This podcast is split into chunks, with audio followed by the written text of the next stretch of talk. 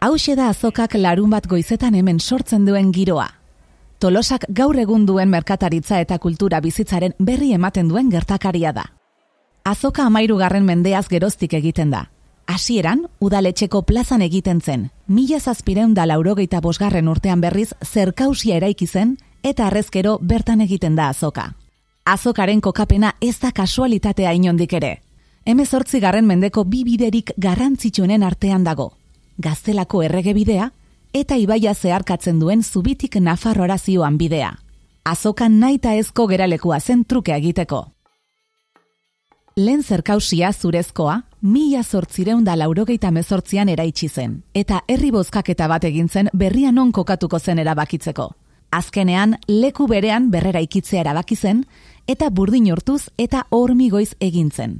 Balkoiak eta bidorreak mila bederatzireun eta hogeita zazpian erantxizitzaizkion. 2006an zahar berritu egin zen eta orduan hartu zuen orain duen itxura.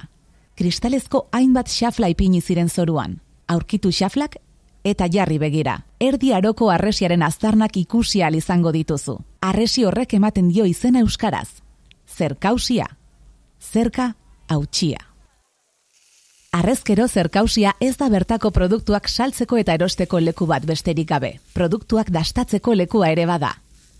Izan ere, jantoki bihurtzen da urtean hainbat alditan. Hain zuzen ere babarunaren festan, bisiguaren festan, edo txuleta aragia eta txingarraren festan.